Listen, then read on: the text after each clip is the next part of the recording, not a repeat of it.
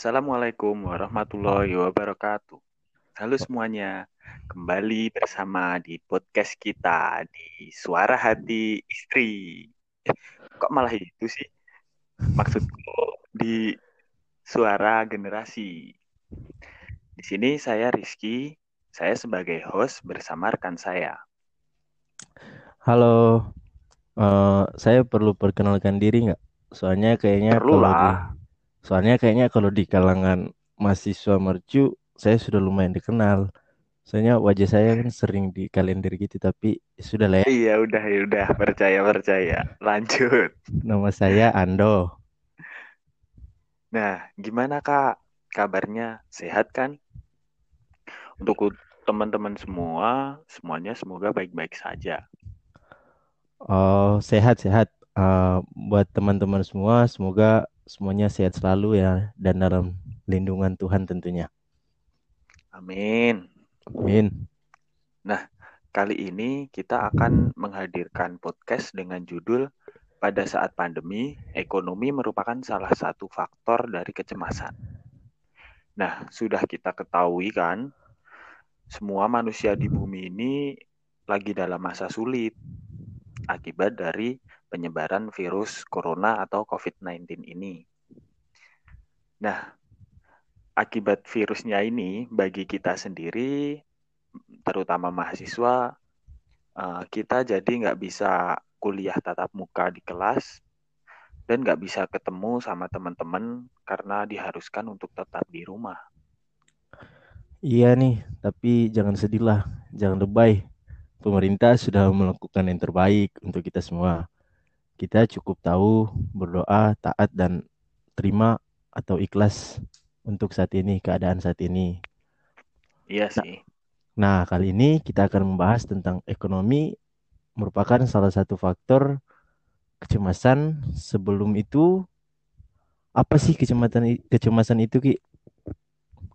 Nah, aku ada pengertian nih dari Stephen Schwartz uh, yang mengemukakan bahwa kecemasan berasal dari kata Latin yaitu anxious yang berarti penyempitan atau pencekikan.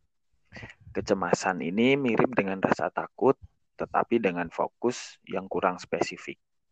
Sedangkan ketakutan berasal dari respon terhadap beberapa ancaman langsung, Nah, kalau kecemasan ini ditandai oleh kekhawatiran tentang bahaya tidak terduga yang terletak di masa depan. Oke, ah, nah aku mau tambahin juga nih, menurut Syamsyu Yusuf, uh, ia mengemukakan bahwa anesti atau kecemasan merupakan ketidakberdayaan neurotik, rasa tidak aman, tidak matang, dan kekurang kemampuan dalam menghadapi tuntutan realistis atau rea realitas atau lingkungan, kesulitan dan tekanan kehidupan sehari-hari. Nah, Kak Ando, pernah nggak sih cemas? Cemas yang membuat kakak tuh merasa tidak tenang gitu hatinya? Oh jelas pernah dong. Oh, kamu sendiri gimana? Pernah cemas nggak? Nah, pernah lah ini aku sekarang lagi cemas. Cemas melihat dia nyaman dengan orang lain. Kok malah jadi curhat ya? ya udahlah, langsung. Nah, sebelum kita bahas lebih jauh lagi mengenai kecemasan ekonomi, kita telisik dulu nih. Arti ekonomi itu apa dan kenapa kita merasa cemas secara ekonomi atau finansial. Ekonomi itu sendiri dapat diartikan sebagai pemenuhan kebutuhan. Lalu, kenapa sih terkadang kita merasa cemas dengan ekonomi?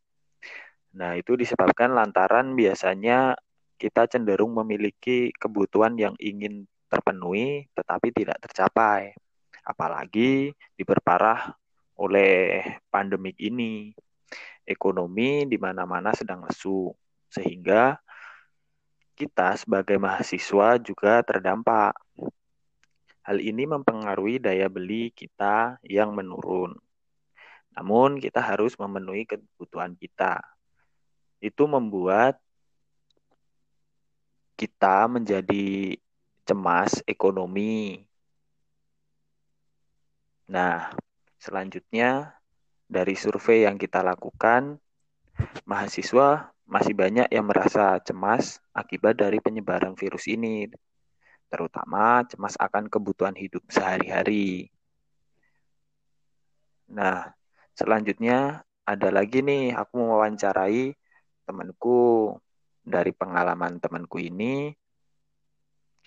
Dia merupakan mahasiswa yang stuck di Jogja, nggak bisa pulang, nggak bisa ke mana-mana akibat pandemik ini uh, sekitar dua bulan yang lalu uh, dia tuh mendapat penurunan kiriman uang bulanan sama orang tuanya yang awalnya satu setengah menjadi satu juta saja. Hal ini lantaran pandemi corona berdampak pada kondisi keuangan orang tuanya.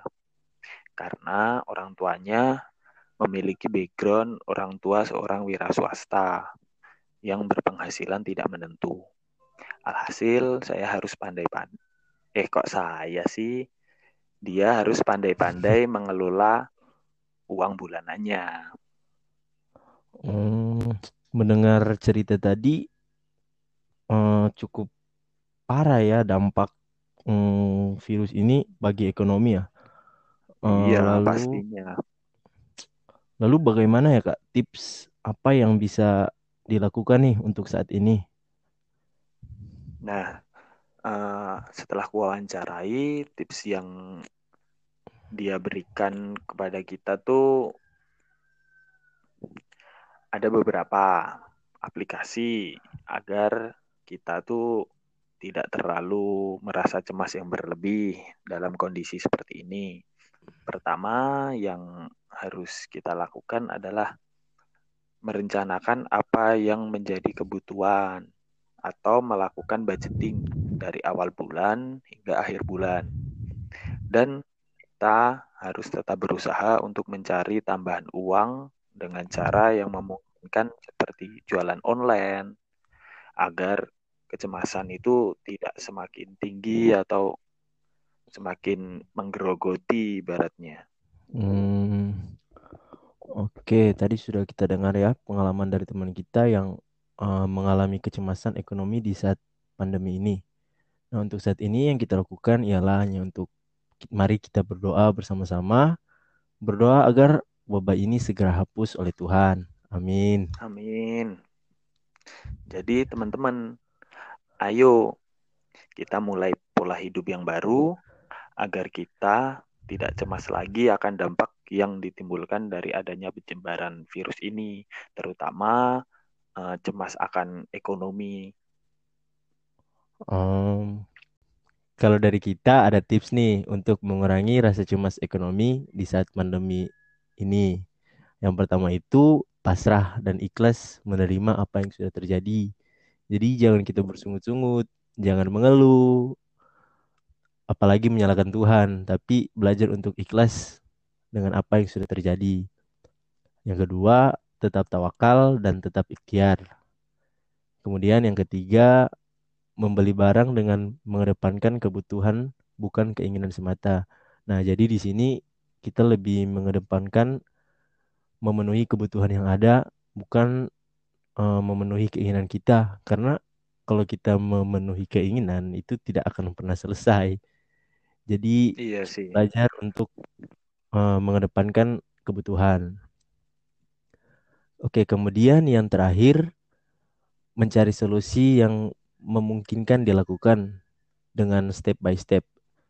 Oke, uh, selain dari tips tadi, teman-teman juga bisa mencari tips-tips lain yang ada di internet, baik itu di YouTube, Google, atau uh, media penyedia internet lainnya. Iya, masih banyak kok tips-tips di internet nggak cuma dari kita doang.